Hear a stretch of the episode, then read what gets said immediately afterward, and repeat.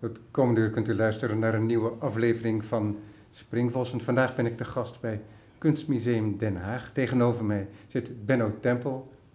Dankjewel Benno dat je me ontvangt. Ja, fijn om je hier te hebben. In Robert. je prachtige werkkamer, in dit natuurlijk ook prachtige gebouw. Dat is iets wat iedere bezoeker je waarschijnlijk zegt. Ja, iedere bezoeker, en, maar ook heel veel van onze medewerkers voelen dat zo. Dus eh, er is echt een enorme verbondenheid van publiek en personeel met, eh, met de locatie, met het gebouw van Berlage. Ja. Ja, Ja. Jij zit hier op een prachtige hoekruimte, waardoor je uitzicht hebt over de entree en over de vijver. En eh, dat is je werkkamer. Links van jou, rechts van mij, een prachtige wand met boeken. Neem aan catalogie van het museum zelf ook. Of Eh, nee, dit, dit is mijn persoonlijke bibliotheek die hier staat. Dus die heb ik op een gegeven moment thuis maar weggehaald, omdat die eh, ten eerste heel veel ruimte in, eh, inneemt en omdat ik gewoon heel veel gebruik van maak. Dus ook in gesprekken met, nou ja, wie dan ook die hier langskomt, dan pak ik toch graag een boek erbij om iets op te zoeken, te laten zien, te bespreken. Ja, begrijp ik. En ook bij het schrijven wellicht zeker. af en toe. Ja. Hè, want er, is, er zijn een aantal tentoonstellingen nu in het museum. Ehm, eentje rond Mondriaan, maar ook een met een selectie uit de collectie zou je kunnen zeggen. Hè, het, van het moderne werk wat er te zien is. En daar heb jij, meen ik, ook wat bij geschreven. Eh, nou, geschreven, er is niet een nieuw, nieuwe publicatie bij, maar dat is wel een tentoonstelling die ik eh, mede gemaakt heb. Ja, ja. Dus ik, ik, eh, ik vind het belangrijk dat in Nederland kunsthistorici die in musea werken ook schrijven. En dat geldt, vind ik, zowel voor directeuren als voor conservatoren. Eh, dus toen ik hier ook kwam in het museum, dan heb ik ook in het gesprek met conservatoren gezegd... nou, ik wil wel dat jullie minimaal één artikel per jaar schrijven. Het hoeven er geen tien te worden, maar eh, een onderdeel van dat vak kunstgeschiedenis, mooi vak vind ik zelf... daar hoort ook schrijven over kunst bij. Eh, dus dat doen wij hier met onze inhoudelijke staf ja, met, met regelmaat. En, Ja. en ik zelf dus ook. Ja, je hebt Hans Jansen zelfs aangezet tot het schrijven van een biografie. Want jij vond niet dat hij op die kennis mocht blijven zitten en alleen maar in korte teksten met ons mocht delen. Ja, en, en in heel veel gesprekken met mij. Hè. Dus hij, met Hans heb ik heel veel, ben ik heel veel opgetrokken. Ook op reis naar eh collega-musea in het buitenland of bij kunstenaars op bezoek, bij verzamelaars. En dan, nou, dan reis je samen en dan zit je of samen in de auto of in de trein en dan ben je een paar dagen onderweg. En er waren altijd gesprekken eh, en verhalen van Hans over Mondriaan. En ook heel veel details of gegevens of verhalen die ik nergens tegenkwam in een van zijn publicaties. Dus dat is toen, toen zei ik, ja, je moet dat echt gaan doen, Hans, anders komt dat nooit meer uit jou. En ik ben heel blij dat hij dat gedaan heeft, want het is echt een, eh, ja, dat is een heel bijzonder boek geworden, Ja, die biografie. Inmiddels is Hans veel te jong overleden. Dus hij heeft de Engelse editie van zijn boek niet meer mee kunnen maken. Eh, ja, en, Hij, nee- hij wist dat het zou komen. ja, en hij heeft tot op het eind, in zijn, tijdens zijn ziekbed, heeft hij eh, aan de redactie gewerkt van het boek. En hij wist dat we dat eh, zouden gaan realiseren. Dus hij is daar, ja, op een bepaalde manier wist hij wel dat het, dat het zou lukken. Ja, gelukkig, ja. Een mooi voorbeeld van een interactie tussen een langzittende conservator en de directeur van het instituut. Ja, Ja. ja. zeker. Een langzittende conservator, want Hans was al verbonden met het museum sinds de jaren tachtig, denk ik. Eh, eh, eind jaren 80, begin jaren 90. Ja, Ja, dus Ja. die heeft hier echt een hele lange tijd gezeten. Ja, Eh, kwam toen van het eh Bonaventure-museum, is hier toen heen gehaald. En ook enigszins per toeval conservator geworden van de Mondriaan-collectie in het museum. Mondriaan in de stijl, de avant-garde van de vroege 20e eeuw. Eh, en dat is hij eigenlijk altijd blijven doen. Naast, eh, dat vind ik ook heel fijn, dat hij daarnaast ook altijd wel aandacht is blijven geven aan andere delen van de collectie. Dat kon zijn 19e eeuw, maar dat kon ook heel goed zijn hedendaags. En die vermenging van een specialisme met een soort genera- ja, generieke blik, dat, dat kenmerkt denk ik wel veel van de inhoudelijke staf van het kunstmuseum. ja. ja, hij vertelde me ook dat hij nog heel graag inderdaad met hedendaagse kunst bezig was. Ja. Om de eenvoudige reden ook dat de kunstenaars dan ook nog eh, aanspreekbaar zijn. Ja, iets terugzeiden. Ik denk dat Hans, wat ik heel fijn vond aan hem als, als, als, als kunsthistoricus, is eh, heel veel van die experts. eh, ik heb bijvoorbeeld ook in het Van Gogh Museum gewerkt. en dat zie je natuurlijk ook met, met Rembrandt-experts. Die, die, die, die beginnen zich over zo'n kunstenaar te ontfermen. Die storten zich daar de eerste vijf jaar in. Lezen alles wat los, dan, los en vast zit. formuleren daarop hun meningen en hun, hun, hun theorieën. En die veranderen bijna niet. En het mooie aan Hans vond ik dat hij, ondanks dat hij dat decennia deed, dat hij eh, ja, door een vraag of door een artikel van iemand anders ook zijn mening kon, uh, kon aanpassen. Uh, dat vond ik heel inspirerend. Ja, ja, dat is een grote kwaliteit inderdaad. Ja. Zelf zit jij hier, ik weet niet of het specifiek deze kamer is geweest de hele tijd, maar sinds 2009. Ja, ook deze kamer inderdaad. Ja, ja. en je noemde al eventjes het Van Gogh Museum, waar je aan verbonden bent geweest. Je hebt kunstgeschiedenis gestudeerd aan het VU, als ik het nog goed herinner. Ja, Vrije Universiteit in Amsterdam, inderdaad.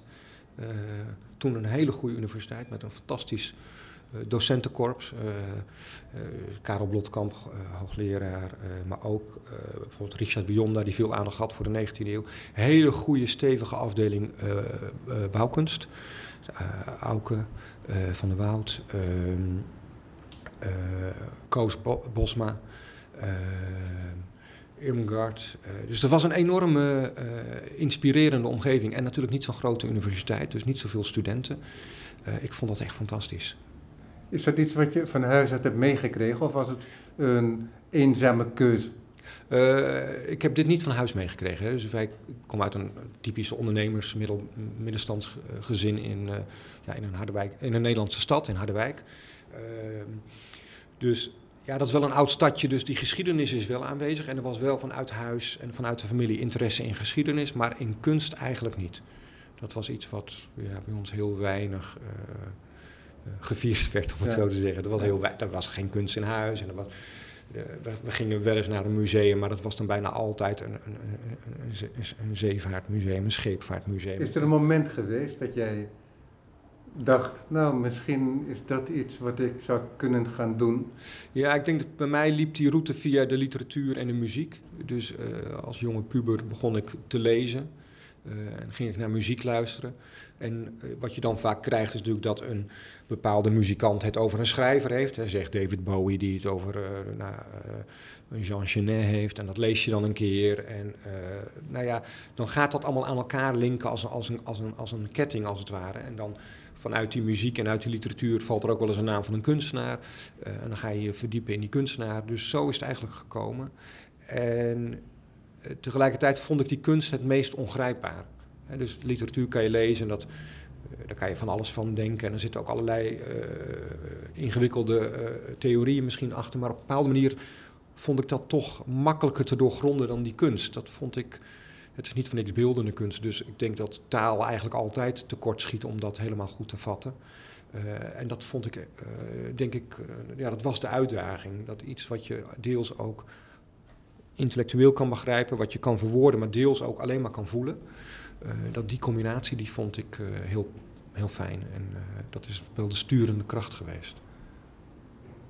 Toen jij studeerde aan die Vrije Universiteit, ontstond toen ook wel het idee dat jij ooit misschien bestuurder zou kunnen worden?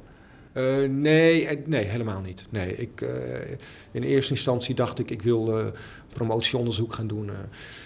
en toen ben ik tijdens mijn studie in een museum gaan werken. En dat was eigenlijk vanaf de eerste week, dacht ik, oh, maar ja, dit, dit is het. Dit vind ik niet alleen heel fijn, maar dit kan ik ook. Hier, hier pas ik goed in deze omgeving, pas ik goed. Dit werk vind ik heel prettig om te doen. Uh, dus dat was eigenlijk vanaf de eerste week was het duidelijk. Uh, ik, ik, laat die promotie en dat vierjarige onderzoek in een kamertje ergens op een universiteit, dat laat ik heel graag schieten voor, voor dit echte praktische werk en echt met de kunst bezig zijn. En dus geen idee dat ik, nou ja, zoals jij het dan een bestuurder wilde worden. Nee, precies. Maar dat, dat is een vraag die ik iedere keer stel, denk ik. Ik, ik heb geen vast setje vragen die ik aan jou en je collega's stel. Maar ik bedenk me nu dat ik dat iedereen die voor deze microfoon is verschenen, die vraag van heb gesteld. Ja. Inderdaad. Vooral ook omdat ik me dat zelf afvraag, denk ik, omdat, ik, omdat er in mij absoluut geen bestuurder is, ja. denk ik ook. Maar uiteindelijk word je museumdirecteur. Dat zijn dingen die je niet plant, denk ik. Nee, in mijn geval absoluut niet. Ik wilde gewoon echt heel graag met die kunst bezig zijn. En ik denk dat ja, er zijn, al, er uiteraard altijd een paar aanleidingen daarvoor. Eén uh, daarvan die heel belangrijk is geweest, ongetwijfeld, uh, de periode dat ik in de kunsthal in Rotterdam zat. Een eh, hele dynamische kleine instelling waar heel veel gebeurde. En waar je dus ook als tentoonstellingsmaker of conservator niet alleen bezig was met het tentoonstelling organiseren, maar ook nadenken over nou ja, het persbericht, over eventueel sponsoring. en de, de compleetheid van die functie, die vond ik, ja, die was denk ik een hele goede voorbereiding op het directeurschap. Waardoor je namelijk met zoveel facetten van dat museale werk te maken hebt gekregen. Dat toen ik daarna iets anders ging doen bij een ander museum, na een poosje dacht van ja, god, ik zou het zelf eigenlijk anders doen. En nou ja, toen dacht ik, dan moet ik, die, dan moet ik die, die handschoen, zeg maar, die ik zelf op de grond had geworpen, die moet je dan maar zelf ook oppakken. toen dacht ik, nou, dan, dan moet ik zelf gaan proberen ergens uh, ja, kijken of ik directeur kan worden. En inderdaad, die ideeën die ik heb, uh, om die in praktijk te gaan ja. brengen. En, maar een museum is nog altijd iets anders dan de kunsthal. Omdat de kunsthal geen collectie heeft. Geen collectie Nee. heeft. Dat zou je als een last kunnen zien. Maar het is ook, geeft ook een bepaalde. Geeft een bepaalde vrijheid. Ook dat je je niet bezig hoeft te houden. Ja, met, dat verleden op die manier. Precies. En ik denk dat de kunsthal, wat het ook voor zorgt, dat gebrek aan collectie, want het is ook een gebrek, maar je moet wel heel creatief worden. Je moet wel heel inventief worden. Je moet heel goed nadenken, hoe kan je iets voor elkaar krijgen. Dus in die zin was het een hele goede leerschool. En je hebt gelijk, als ik alleen maar bij de kunsthal zou hebben gewerkt, dan zou die stap heel, heel groot zijn geweest naar een museum. Maar ik heb, daarvoor had ik al in een aantal musea gewerkt, in het Dordrechts Museum, eh, in, in het Van Museum, eh, korte periode in het Rijksmuseum. Ehm, dus ik had al in verschillende musea gewerkt. Sterker nog, ik, ik heb denk ik, eh, ook voordat ik hier in, in Den Haag directeur werd, eh, had ik al in heel veel musea gewerkt. In veel meer musea dan eh, de doorsnee kunsthistoricus die met pensioen gaat. Dus we hadden het net over Hans Jansen, conservator hier lange tijd in het Kunstmuseum. Die heeft zijn hele carrière in, uiteindelijk in twee musea gewerkt. Ehm, en ik denk dat daar zit wel ergens de crux. Ik had zoveel verschillende musea en verschillende directeuren en verschillende bedrijfsculturen, om het zo te zeggen, meegemaakt. Dat ik ook eh, daardoor ideeën had gekregen van, nou, zo zou je een, dat zou goed zijn voor een museum. Uiteindelijk kom je hier terecht. Ja. Het gemeentemuseum. Dat is een museum met een bepaald gezicht, een bepaalde geschiedenis. Je hebt het gebouw, je hebt, het, je hebt de collectie, maar je hebt ook je voorgangers Zeker. die daar iets aan toegevoegd hebben. Wat voor instituut was dat in 2019? Ehm, nou, op een bepaalde manier eh, zou je kunnen, eh 2009. 2009, Ja. pardon. Eh, op een bepaalde manier hetzelfde instituut als nu. Kijk, wat, ik vind het heel mooi dat je dat zegt. Het is, een, het is een gebouw, het is een collectie en het zijn de, de voorgangers. Zo voel ik dat zelf extreem eh, sterk. Ehm, dus ik geloof niet zo in de directeur die ergens komt en die zijn eigen dingetje doet. En eh, vanuit bijna een idee dat iemand een visionair is die, eh, die geniaal is. Die musea zijn ondertussen zo'n 200 jaar oud. Eh, dus je hebt veel meer te maken met een, met een bepaalde cultuur in zo'n instelling. Dus ik, toen ik hier kwam ben ik ook echt gaan kijken... wat is nou typisch voor voor het kunstmuseum... of toen het nog heette, eh, gemeentemuseum zoals het toen nog heette. Ehm, en er zijn een aantal dingen die heel erg bij dit museum passen. En dat is nu nog steeds zo. Dus het is een museum dat enorm is gericht op het publiek. Eh, het is een museum dat eh, zich niet zo heel veel aantrekt van bepaalde modes. Eh, dat een eigen koers heel erg wil varen en daarin ook zoekt naar een soort verrassing. Dat zit natuurlijk ook in de collectie. Het is niet alleen een collectie van, laat ik zeggen, beeldende kunst. Eh, er zit een grote collectie toegepaste kunst bij. Er zit een grote collectie mode bij. Eh, er is eh, zowel oude toegepaste kunst en vormgeving als, als moderne en nieuwe. Er zitten 19e eeuwse meesters in, maar ook eh 20e eeuwse en hedendaagse me- Dat kunst. is een typische, de basis. In de basis is het een typisch gemeentemuseum, ook in die zin. Eh, een typisch, Net, net, het stedelijk, eh, ook, ook, hè, er zitten in de kelders van het stedelijk, als je dat zou gaan bekijken, dan zie je dat het heel erg anders begon Ja. dan waar het nu is. Ja, eh, dat is bij het Dat stedelijk... is geen lineaire ontwikkeling geweest. Nee, maar hier veel meer dan daar. Dus bij het stedelijk is begonnen met schenking van penningen, als ik het goed heb. Eh, En nou ja, dat zit daar misschien nog steeds in de collectie, dat weet ik niet precies. Uh, maar dat heeft heel duidelijk een afslag genomen. En dat is hier eigenlijk veel minder gebeurd. Hier is het eigenlijk een optelsom geworden. Dus we zijn ooit begonnen met uh, schilderijen uit de 19e eeuw van Haagse meesters, hè, bekende Haagse schoolmeesters onder andere. Uh, en daar, is, daar zijn allemaal schenkingen of aanwinsten bijgekomen die hebben opgeteld. En die, zijn niet, die hebben niet geleid tot een afslag. Dus, die, uh, dus op een gegeven moment kwam, uh, ik zeg wat, uh, de Dels Blauw collectie kwam binnen. Of op een gegeven moment kwam Islamica. Hè, dus al heel vroeg, al voordat we in dit pand zaten van Berlage, begin 20e eeuw, in de jaren 20 hebben we een grote collectie, zijn we begonnen met een grote collectie Islamica aan te leggen. Met name keramisch werk uit het oude Perzië bijvoorbeeld. en dat is niet een een afslag geweest, maar dat is een optelsom geworden. Daardoor is die afdeling toegepaste kunst heel sterk geworden en zijn we het meer gaan uitbreiden. Die, al heel vroeg is hier begonnen met het aankopen van internationale uh, eigentijdse kunst. Dat was ook al in de jaren twintig. Toen kochten we al werk aan van Duitse expressionisten. Prentwerk onder andere. Het was niet altijd een schilderij, maar prentwerk bijvoorbeeld van, van Max Beckman. Nou, niemand, geen ander museum in Nederland was nog bezig met het aankopen van hedendaagse kunst. Kun je terugvoeren hoe dat in de collectie komt? Want ik vraag me wel eens af of dat inderdaad het initiatief is van bijvoorbeeld een specifieke conservator dan. Ja, nee, het is heel vaak en er is niet één, één weg waarop dat uh, uh, in een collectie terechtkomt. Dat is deels inderdaad een conservator. in het ideale geval eigenlijk altijd in samenwerking met een directeur.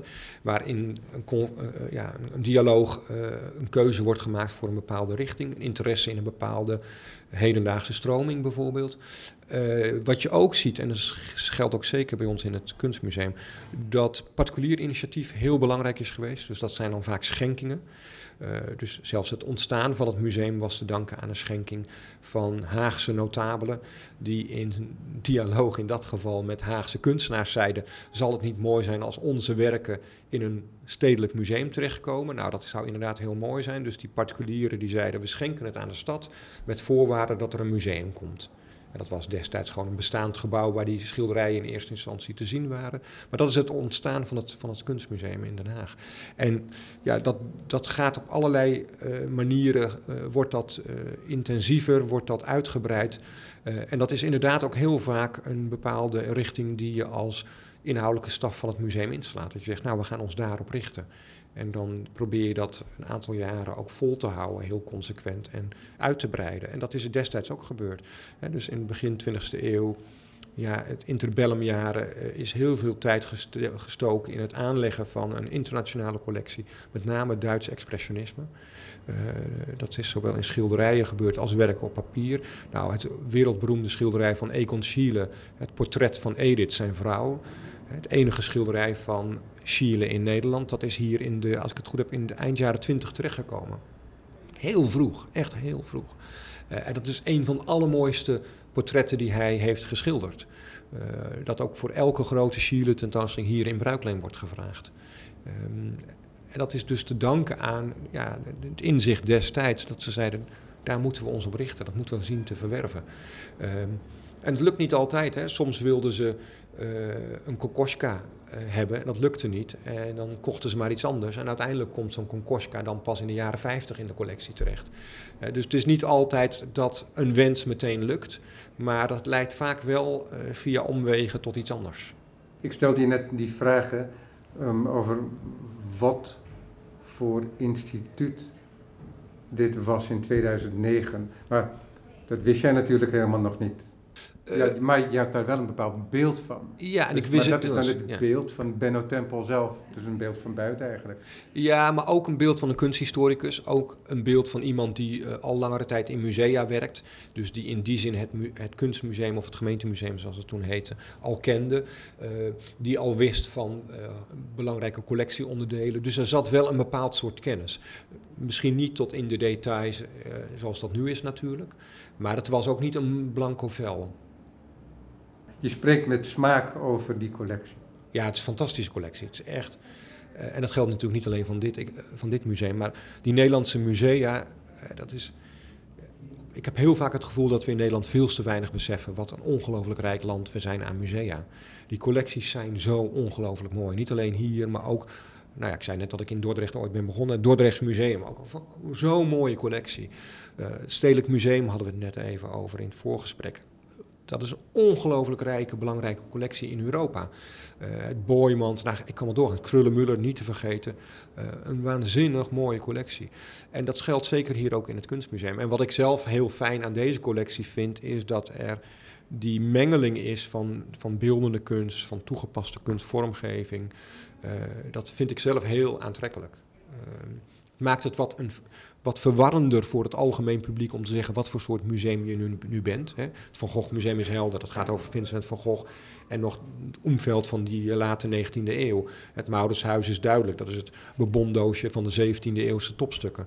Um, maar wat is nou dat, dat, dat, dat, dat kunstmuseum in Den Haag of het Boymans in Rotterdam? Dat zijn musea die bijna als een diamant heel veel verschillende kanten hebben. Uh, en die zijn allemaal uh, belangrijk om die diamant heel waardevol te maken. Uh, maar ze staan soms best ver van elkaar af. Uh, en, ik zeg maar wat, onze Islamica-collectie, ja, daar kan je niet meteen een connectie maken met onze hedendaagse kunst. Dat kan wel, maar dan moet je, moet je er goed over nadenken. Maar op het eerste gezicht lijkt dat ver uit elkaar te liggen. Ja, hoewel helemaal onze cultuur, hm. hè, de, het begin van de moderne tijd zou je kunnen zeggen, is, heeft veel te danken gehad aan die islamitische wereld natuurlijk. Zeker, dus, zeker. Er zijn zeker. altijd wel verhalen te spinnen die uh, niet heel erg geforceerd hoeven te worden om dat uh, op de rails te krijgen. Nee, je kan het zelfs in, in een kunstcollectie, kan je het, zeker in het geval van dit museum, nog veel concreter maken. Hè. Dus we hebben onder andere de, de grootste collectie van werk van MC Escher, de grafische kunstenaar hebben we ook een apart museum van in, in, in de binnenstad van Den Haag, eh, Escher in het paleis. Nou, die Escher die heeft waar hij later beroemd om is geworden. Dat illusionistische werk, dat optische illusie die hij eh, weet te creëren in die prenten. Uh, de, je zou kunnen zeggen, de sleutel tot, tot op die manier denken over perspectief, over vlakvulling, over herhaling. Dat heeft hij dankzij die islamitische kunst heeft hij dat ontdekt. Dus het is een hele directe band tussen een deel van onze collectie en die Escher-collectie. Um, dus het is bij ons zelfs ook heel concreet te maken. En dat ja. is fantastisch. Zoals zei ik, je spreekt met smaak over die collectie, maar het heeft een investering gekost hè, om je te verdiepen in die collectie. Dat gebeurt niet vanzelf. Ja. Want wat we in het museum zien, dat is al veel, maar er is nog veel meer dat niet te zien is. Ja. Hoe doe je zoiets? Nou, wat ik, wat ik al heel lang doe, is dat ik de vrijdag eigenlijk hou voor mijn uh, kunstkijkdag. Uh, dat deed ik ook al voordat ik hier in het kunstmuseum begon. Dus dan ging ik op bezoek bij kunstenaars of bij galeries of naar musea ergens om iets te zien. En toen ik hier begon, ben ik de vrijdagen maandenlang ben ik gewoon alleen maar het depot ingegaan. Uh, alle trekrekken open trekken, kijken wat voor schilderijen hangen, hangen er. Uh, het beeldendepot door, uh, het, het, werk op papier, de tekeningen, prenten. Weet je dat systematisch? Ehm, nou, op een bepaalde manier in de zin van je begint links voor en je werkt naar achteren. Maar niet, dat ik, niet systematisch in de zin van ik ga nu de Haagse school bekijken en dan ga ik het impressionisme bekijken. Want die werken hangen in een depot totaal door elkaar. Dat is helemaal niet vorm bij vorm of wel materiaal, soms bij materiaal, hè, beelden bij elkaar of uh, werk op papier bij elkaar. Maar het is niet gegroepeerd uh, chronologisch. Ja, het kent een eigen ordening. kent een eigen ordening die veel meer wordt bepaald bijvoorbeeld door de omvang van een werk. Hè. Uh, wat is het meest economische om zoveel mogelijk schilderijen op een rek te hangen? Zo doe ik het in mijn boekenkast ook. Ja. Wat vele mensen verbaast, van die verwachten dan een alfabetische organisatie. Ja. Ja, dat, was, dat is heel belangrijk geweest, omdat ik gewoon heel veel op die manier heb kunnen zien. Uh, en tegelijkertijd ook heel veel praten met de conservatoren die hier al zitten. Uh, toen ik kwam. Uh, dus wat weten zij over de collectie? Wat weten zij over ook voorgangers? Andere conservatoren die hier vroeger zaten, directeuren die voor mij hier geweest zijn. die kennis over die collectie in dat museum is essentieel, vind ik. Een intellectueel kapitaal, hè? Ook ja. jij samen met je team van conservatoren. Ja, en uh, ook dus dat, maar wat er ook heel belangrijk aan is, daardoor spreek je als inhoudelijk team, en dat gaat veel verder dan bij ons dan alleen het inhoudelijke team, je zou kunnen zeggen het hele museum, praat je over wat voor soort museum zijn wij, wat voor soort museum is het kunstmuseum. Uh, en daar kan je een aantal bijna objectieve criteria op loslaten. Maar daar kan je ook een aantal veel meer kwalitatieve of nou ja, kwalificaties over de aard van de kunstwerken aan koppelen. En dat is, als je dat met elkaar allemaal zo ziet en voelt en begrijpt, dan kan je veel makkelijker opereren als, als team. Want dan weet je allemaal van ja, maar dit is typisch iets wat wij zijn. Dus dit kunnen we doen. Of wat we hier ook wel hebben gehad, dat we iets aangeboden hebben gekregen, een tentoonstelling. Nou, ik neem maar een voorbeeld. Internationaal surrealisme. Dan zeg ik ja, wij hebben geen internationaal surrealisme. Het museum op dat gebied in Nederland is Boymans. Ga naar het Boymans. Ik geloof dat ze toen weer terugkwamen bij ons. Ja, Boymans die heeft geen ruimte of geen wat dan ook. Ik zeg, ja, dan nog steeds ga ik het niet doen. Ik vind, zelfs als Boymans dat niet wil, het hoort bij het Boymans. Ja, het moet gemotiveerd zijn vanuit de collectie. Ja, ja. Maar ik noemde dat intellectueel kapitaal, omdat dat iets is wat je niet ziet. Maar als zouden jullie allemaal in één keer vervangen met een geweldig ander team... Ja. dan is het nog steeds zo dat die connectie opgebouwd moet worden. Ja. Die kennis over die collectie. Ja. En dat zijn ook persoonlijke verbanden. Zeker. En in dat licht zie ik ook jouw eerdere opmerking dat je graag ziet dat je conservatoren ook schrijven. Ja, omdat dat helpt over het nadenken over die collectie, maar ook over kunst. En ook omdat mijn ervaring uh, dat is mijn ervaring, maar ik denk dat heel veel mensen die schrijven, die ervaring hebben, door te gaan schrijven, vormen, ze zich, vormen zich ook die gedachten. En die lijken soms wel spontaan op te borden, dat is natuurlijk ongetwijfeld niet zo. Maar als schrijvende uh, versterk je je inzicht. Uh, dus dat is heel belangrijk. Ja, en de klassieke notie dat de pen je ook helpt te zien. Ja. De woorden helpen je te zien. Precies. en dat is ook iets wat we zeggen tegen jonge uh, assistent-conservatoren die hier uh, in het museum komen werken. ik weet dat Hans Jansen, we hadden hem eerder over hem als conservator, dat hij soms pestend toesprak. Moet jij geen, moet jij geen aantekeningen maken? En dan zeiden ze, dat zetten we in ons telefoon. Zei hij, nou, koop maar een klein boekje. Dat is veel belangrijker. Uh, dat vond ik heel geestig, omdat ik denk inderdaad dat. we maken hier heel veel grappen over de kleine boekjes die iedereen bij zich heeft. En ik weet ook wel dat collega uh, van andere instellingen, andere musea waar ik wel eens mee op stap was, ook altijd begonnen te lachen over de kleine boekjes die ik overal uit mijn tas haalde, waar ik dingen in noteerde. Uh, dus hier in het museum geloven, geloven we erg in de, in de werking van kleine boekjes. Ja, ja. ja mooi. Je zei antwoordend op mijn vraag wat voor instituut het gemeentemuseum uh, was. Wat voor beeld had jij zelf wat je met het museum wilde gaan doen destijds? Nou, wat ik heel goed vond. Het is heel lastig om dat niet teleologisch te gaan beantwoorden nu, omdat je ook weet wat je hebt gedaan natuurlijk. Maar... Nee, ik kan me ook nog heel helder herinneren, omdat dat natuurlijk ook een van de gesprekken was die ik met de, de sollicitatiecommissie had. Wat wil je met het museum doen? En eigenlijk was mijn algemene antwoord was doorgaan op de weg die het museum is ingeslagen. Dus wat je bij dit museum ziet is dat het eigenlijk altijd een museum is geweest waar heel veel tentoonstellingen zijn georganiseerd. Uh, dat was onder Van Krimpen, mijn voorganger zo. Maar dat was bijvoorbeeld ook al lang zo onder Wijzenbeek. Hè, een hele belangrijke directeur. Uh, niet alleen voor dit museum, maar ook voor Museaal Nederland. Die eind jaren 50 hier komt en begin jaren 70 met pensioen gaat.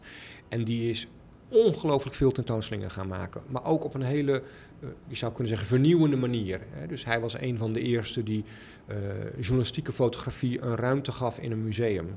Hij, heeft niet meegen, hij, was niet een van de oprichters van de World Press Photo, maar hij heeft wel World Press Photo, de eerste edities, hier ruimte gegeven om tentoon te stellen in het museum. En er werd door collega van andere musea echt schande van gesproken.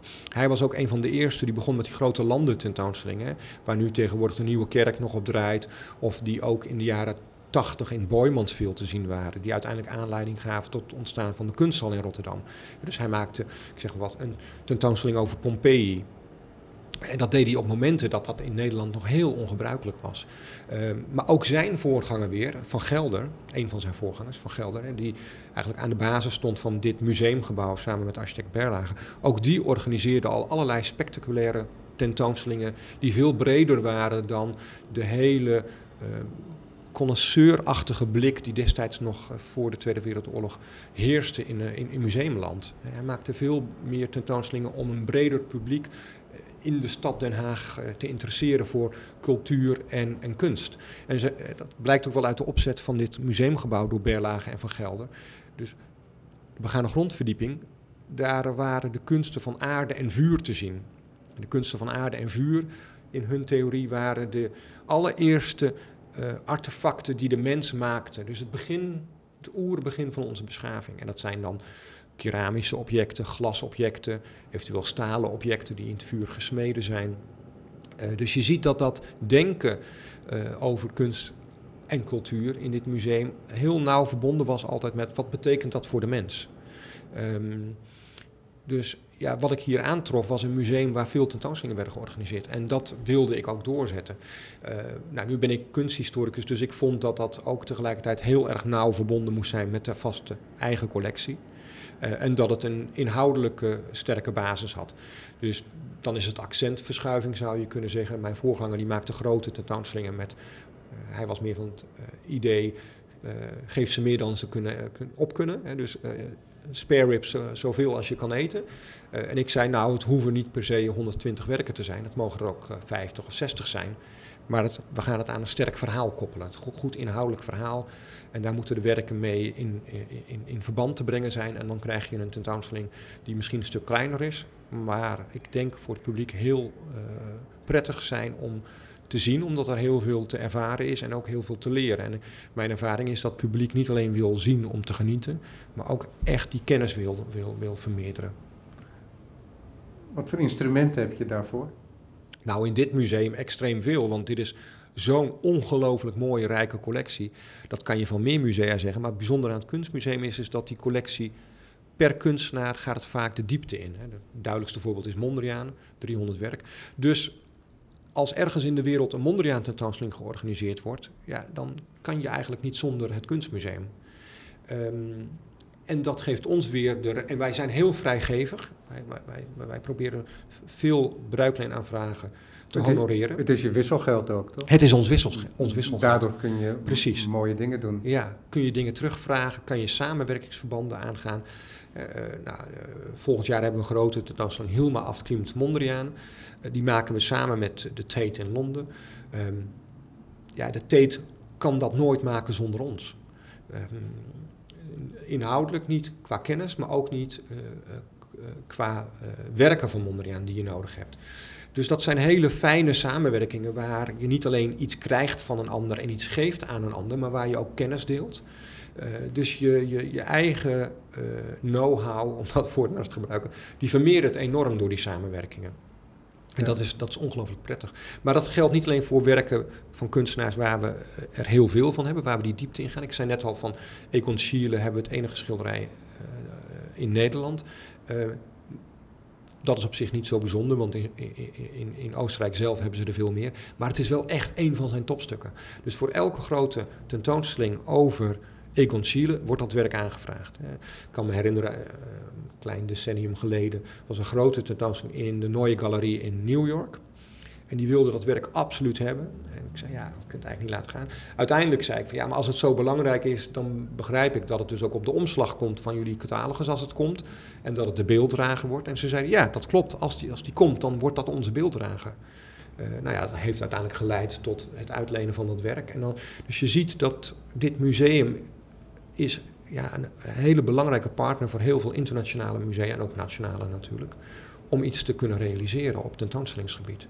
En ja, daar kan je dus mee sturen, daar kan je dus dingen voor elkaar krijgen. Als je dan hebt over bijvoorbeeld zo'n samenwerking met dit, merk je dan ook, omdat je maakt samen een tentoonstelling, dat er andere wensen zijn? Uh, ja, natuurlijk. Je hebt wel andere wensen omdat je een ander gebouw hebt, waardoor je andere dingen ja. Eh, kunt of zelfs moet doen natuurlijk. Maar ook inhoudelijk en misschien zelfs cultureel. Zeker. Ja, dat is heel leuk. Uh, en dat is soms ook frustrerend. Uh, dus op museaal vlak, wij zijn veel minder bureaucratisch. Uh, dus wij zijn een heel dynamisch museum met korte lijntjes, kunnen snel dingen regelen. Nou, dat is in de Tate heel anders. Maar wat je ook ziet nu natuurlijk, is dat in een deel van het inhoudelijke team rond die tentoonstelling bestaat ook het gevoel dat uh, de geschiedenis herschreven moet worden en dat uh, bewezen moet worden, tussen aanhalingstekens, dat Hilma Afklimt misschien wel een van de allereerste uh, abstract werkende kunstenaars is. Um, ja, en wij zijn daar, hebben daar een andere kijk op. Hè, als museum waar we veel over abstractie hebben nagedacht. Veel meer dan in de tijd ooit. Uh, waar we niet alleen dat werk van Mondriaan hebben, maar ook van, noem maar wat, Jacoba van Heemskerk. Of van Kandinsky. Of van allerlei andere um, avant-garde kunstenaars uit, uh, uit begin 20e eeuw. Van de Bauhaus bijvoorbeeld, of Russische kunstenaars. Um, dus wij hebben daar een veel bredere blik op, die ook heel erg in de context van die tijd geworteld is. Dus daar heb je dan wel uh, discussies over. En soms zie je ook, dat zal bij die tentoonstelling ook voor een deel wel zo zijn, dat ze in de tijd bijvoorbeeld meer werk tonen. Dat kan hier niet allemaal, omdat onze ruimtes kleiner zijn. Of dat ze het qua tone of voice, om dat woord te gebruiken, dus de, toon van de tentoonstelling, hetgene wat je wil vertellen aan het publiek in tekstborden, dat ze dat iets anders zullen framen dan wij doen in, uh, in Den Haag of in Nederland. Wat wel interessant is, is dat je je eigen tentoonstelling toch wel min of meer kunt maken. Hè? En moet maken waarschijnlijk ook, omdat je al aangeeft, de gebouwen zijn überhaupt al heel anders. Los van het feit dat het publiek in de cultuur anders is, ook van jullie als conservatoren. Maar wat heel mooi is dan, is dat heel waarschijnlijk er wel een gelijke catalogus verschijnt. Ja, ja en daar en dat je... is een soort platform waar jullie elkaar ontmoeten dan en waar dat die stemmen samenkomen. Ja, dus in die catalogus schrijven een groot aantal experts, uh, onder andere uit dat inhoudelijke team rond de tentoonstelling. Uh, dat zijn ook mensen van de Tate, dat zijn ook uh, hoogleraren van universiteiten. Uh, maar dat zijn ook, uh, ik denk, drie conservatoren of drie inhoudelijke mensen van ons, van het Kunstmuseum, die daar een, uh, een bijdrage leveren aan die catalogus. en dat is fantastisch. En die wisselwerking, dat, dus dat, dat vind ik zelf ook heel belangrijk. En dat is ook een belangrijk onderdeel altijd geweest van dit museum. Het academisch niveau van, van denken en, en, en, en kennis delen over kunst. Dit museum is weliswaar een gemeentelijke instelling, maar is door de decennia heen op nationaal gebied, uh, als het gaat over denken, over, over kunst of over museaal uh, beleid, altijd een, een, een, of heel vaak een, een, gesprekspartner geweest. Voor ministeries, maar ook voor bijvoorbeeld het zorgen dat na de oorlog de stukken weer in het museum terechtkwamen waar ze ooit uitgehaald waren om veilig opgeslagen te worden in bunkers. En daar heeft het Kunstmuseum een hele belangrijke rol in gespeeld. Uh, destijds uh, in het ja, die, stukken inventariseren. Dus dat zit heel veel kennis in dit museum. In, in hoeverre is het een wisselwerking of is het een, meer een soort plaatsen van posities naast elkaar? Nou, ik, allebei denk ik. Kijk, het heeft te maken met de aard van deze collectie. Dus ik zeg wat, oud zilver, dan moet je... Nee, maar terugkomend op die samenwerking met, uh, Ah, met, met, met Tate bijvoorbeeld. Want ik zeg dat omdat er een enorme politieke agenda achter zit. Ja. En die is zo dwingend Ja. en ook noodzakelijk. Hè, er is een soort culturele correctie, eh, zou je kunnen zeggen. Een soort historische correctie op positie van de vrouw, op positie van minderheden. En het vreemde, wat wel zo is, maar dat is misschien de positie van uh, de dominante stroming, is dat, uh, laten we zeggen, in hele ruime zin het modernisme dan altijd als schuldige wordt aangewezen, want um, ja, in samenwerking met de macht.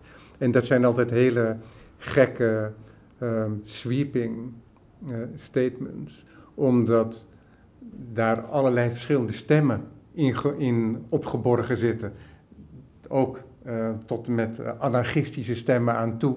En um, dus dat is altijd een beetje merkwaardig. En, um, en dat is ook. Kijk, wat bij ons interessant is in dit museum, natuurlijk voelen wij uh, de wind van de tijd en laten we die ook graag door dit gebouw waaien. Tegelijkertijd voelen we die druk minder omdat het hier al gebeurde.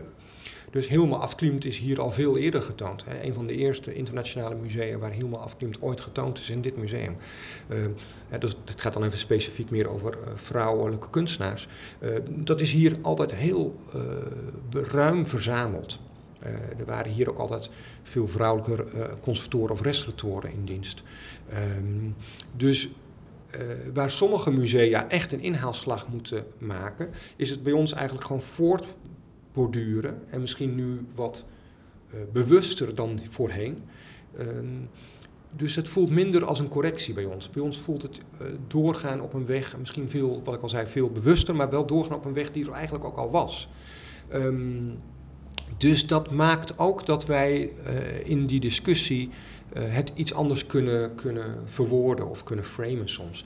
Maar tegelijkertijd is het natuurlijk zo dat er bepaalde krachten spelen op dit moment die ik heel erg toejuich, daar ben ik heel erg voor. Om een veel bredere kijk te hebben op eh, de kunstwereld uh, en uh, een, een, ja, een veel genuanceerder beeld te geven van de kunstwereld. Niet alleen vanuit een westers perspectief bijvoorbeeld. Ja, en dat is, vind ik zelf heel stimulerend. Want wat ik mooi vind, en ik denk dat dat in dit museum heel erg voelbaar is, is nieuwsgierigheid is toch eigenlijk de leidraad, denk ik, waarom je in een museum wil werken. Je bent toch nieuwsgierig naar de kunstenaar, je bent nieuwsgierig naar de mens, je bent nieuwsgierig naar culturen. Uh, en dat, ja, dat, dat kan nu uh, misschien nog meer dan, dan we ooit uh, ons realiseren. Is daarin nog plek voor een eigenheid van een specifiek museum? Jazeker, vind ik juist wel. Ik vind het juist. Ehm, en dat kan ook leiden tot inzicht. Hè. Toen, laatste jaren is meer roep om een, om een inclusiever beeld. Veel meer kunstenaars van kleur die ruimte mogen krijgen in musea. Nou, dat, dat ben ik helemaal mee eens. Dat zal heel goed zijn. En wat wij toen zijn gaan doen is kijken naar onze, uh, nou, laat ik zeggen, de geschiedenis van de afgelopen twintig jaar. En wat ons opviel bijvoorbeeld, dat wij, en dat is, heel, dat is deels bewust, maar het is deels ook niet vanuit zo heel duidelijk, nadrukkelijk geformuleerde richtlijn als vandaag de dag bleek dat wij eigenlijk heel veel kunstenaars die roots hebben of verbinding hebben met uh, de, de, de, wereld van de islam, uh, getoond hebben in dit museum of in een van, een van onze gebouwen. Um, in het fotomuseum in K21 of uh, het gemak wat we een poos hadden uh, in de Vrije Academie in Den Haag en hier in het Kunstmuseum. En dat is op zich niet zo opmerkelijk, want we hebben die oude islamitische keramische kunstcollectie en glas. we hebben Escher die daar naar gekeken heeft. We hebben die abstractie die een hele nauwe verbinding heeft met, met beeldtaal uit bijvoorbeeld het Midden-Oosten. Um, dus ja, wij voelen, dat, dat voelt voor ons een heel natuurlijk uh, verlenging van, van wat er in, hier al in de collectie aanwezig is. Ja.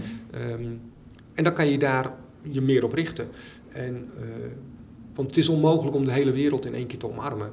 Uh, en in het Nederlands museaal bestel, wat ik zelf heel mooi vind, is dat je toch een beetje naar elkaar kijkt. Als de een dat doet, kan de ander iets anders doen.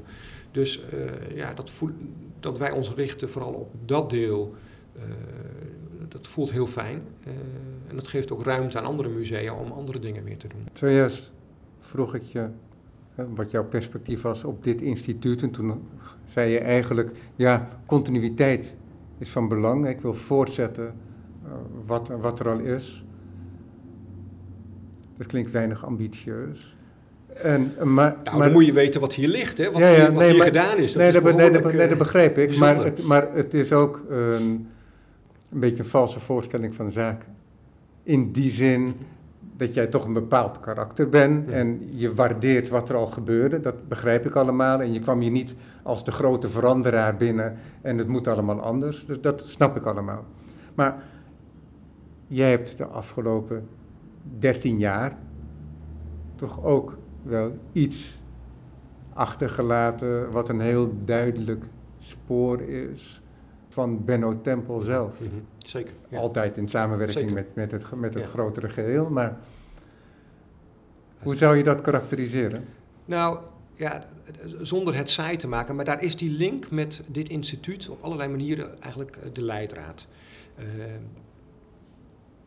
laat ik één voorbeeldje geven, om aan te geven dat het niet exact doorzetten is van wat er gebeurd is, maar dat het wel in de aard van, of de lijn van dit instituut is. Dus toen ik kwam ben ik gaan kijken, hoe werd hier altijd verzameld? En er werd hier, het Stedelijk Museum heeft heel vaak gezegd, wij willen de vinger aan de pols van de tijd hebben, dus we kopen zoveel mogelijk eigentijdse kunstenaars. Uh, nou, in dit museum werd vaak teruggekeken, ongeveer met 50 jaar. Uh, dus terugkijkend werden dan stukken gekocht van Picasso bijvoorbeeld, of van Monet, of nou, ga zo maar door. Stukken die heel belangrijk werden in de collectie. Toen ik hier kwam, zag ik van, hé, hey, dat is grappig. Vanaf de jaren, midden jaren 60 tot ergens midden jaren 80 is hier bijna geen internationale kunst verzameld, voornamelijk Nederlands. En dit is een museum van Nederlandse en internationale kunst. En dat is toevallig ongeveer 50 jaar. Een periode van, van tussen de 50 en 40 jaar. Um, dus wij zijn gaan kijken wat zit er wel in de collectie Nederland, of juist beter gezegd, wat zit er nog niet in de collectie Nederland, of heel schraal. En we zijn dat gaan invullen. En dat lukte eh, heel goed met werk van Louise Bourgeois, van Paul Tech, van Fred Sandbeck, van de Japanse Kutai-beweging, uh, van Lee Bontekoe, van Lee Lozano. Uh, nou, ga zo maar door. Dus dat gaf heel duidelijk richting. Dat was een dat waren internationale stukken of kunstenaars die nog niet in deze collectie aanwezig waren. Maar de manier van denken van hey, dat past bij dit museum, dat je dus niet per se heet van de naald in dat, in, ja, in, in, in, in, daarin wil zitten, maar dat je wat meer afstand neemt en dan gaat kijken. Ehm, dat past heel goed bij dit instituut, denk ik. En dat werkte dus ook heel goed. En nu gaan we dat wat opschuiven. We hebben dat de afgelopen zeg tien jaar gedaan. Nu gaan we dat wat opschuiven. We gaan nu kijken naar uh, kunst uit het Midden-Europese uh, gedeelte. Van Polen naar beneden zou je kunnen zeggen, van de, Letse, de, de, de, Baltische staten naar beneden. Daar hebben we nu de eerste verwervingen al voor gedaan.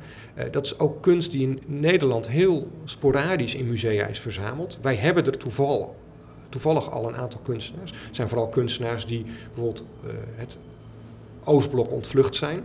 Uit Tsjechië bijvoorbeeld. Uh, die hier terecht zijn gekomen in Den Haag. Die hier hun kunstenaarschap hebben ontwikkeld. Dus dat zit al bij ons voor een deel. Uh, het sluit ook aan bij ons Tsjechisch glas, waar we een grote collectie van hebben.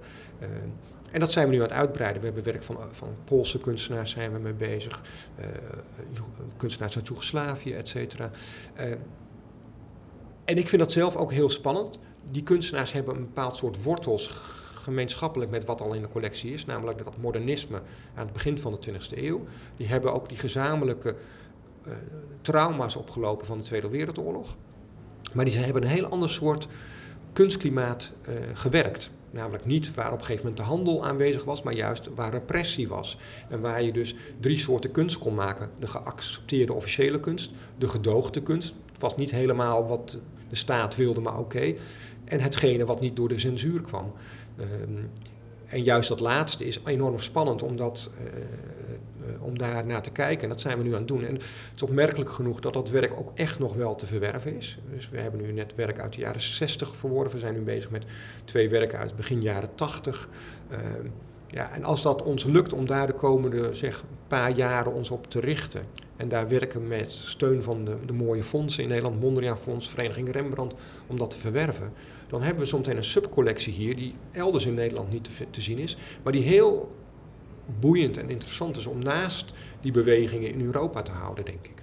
Je zou kunnen zeggen op die manier dat jij gedeeltelijk het museum vormgeeft, maar dat het ook andersom werkt. Hè? Ja. Dat jij jouw denken over kunst ook vorm krijgt doordat je denkt vanuit de collectie. Ja, en ik vind eigenlijk um, dat dat zo hoort.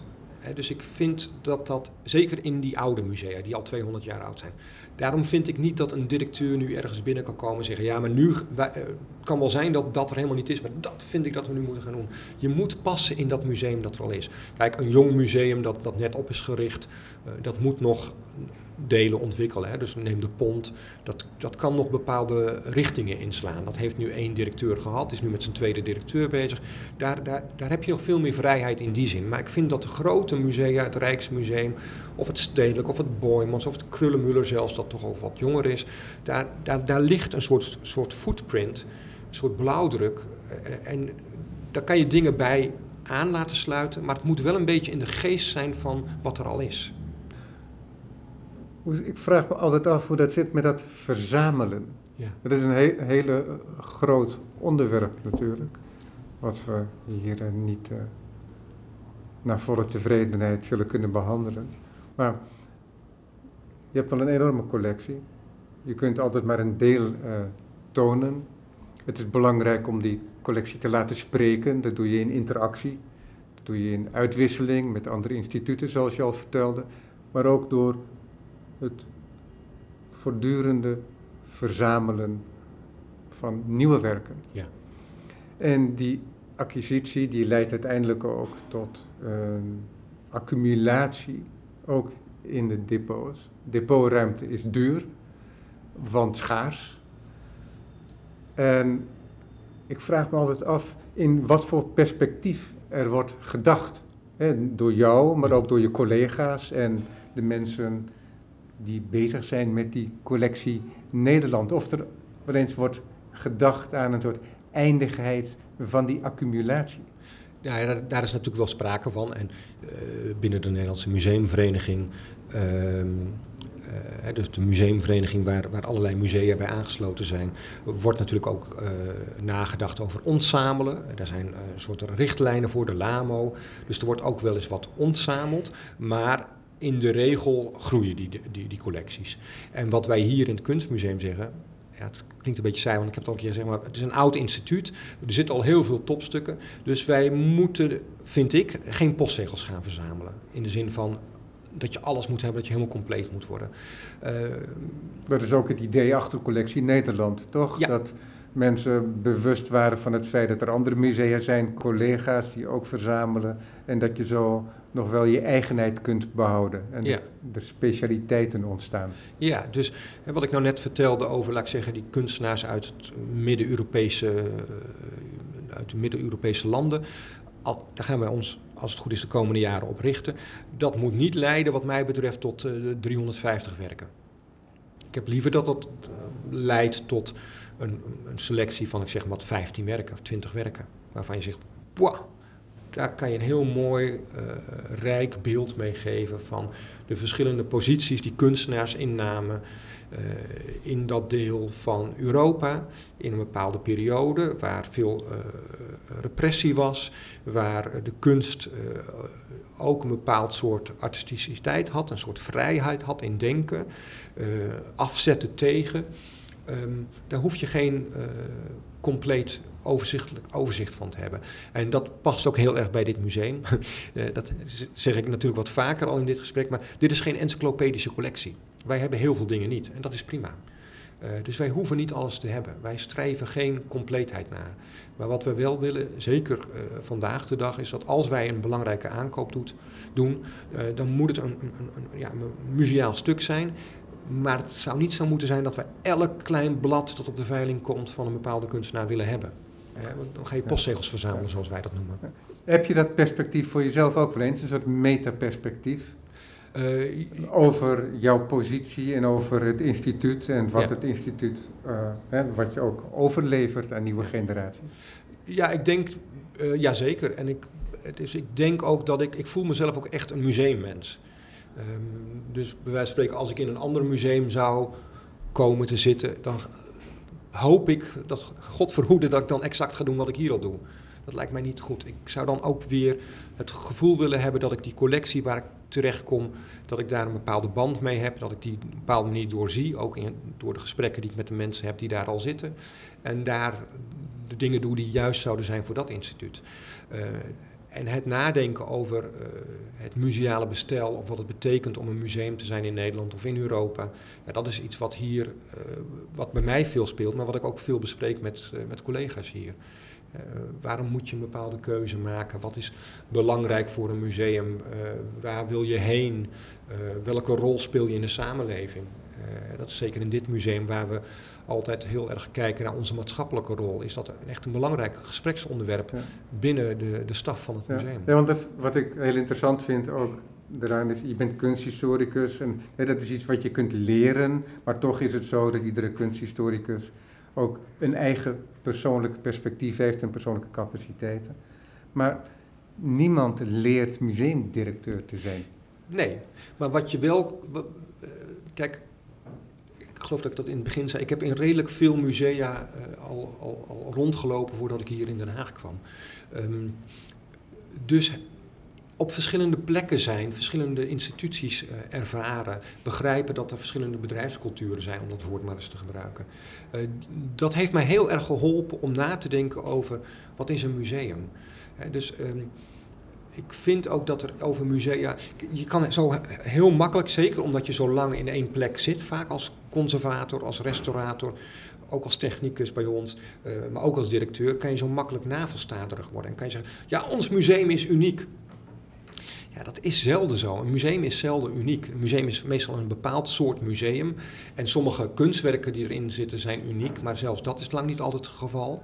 Maar in dit geval zou je kunnen zeggen dat het gebouw ook zelf museaal is geworden. Ja, dus bij ons is dus het samengaan van in dit geval de locatie en het gebouw, de collectie, dat maakt dit tot een bijzonder museum. En als je dat begrijpt, ja, dan kan je er denk ik ook iets mee doen.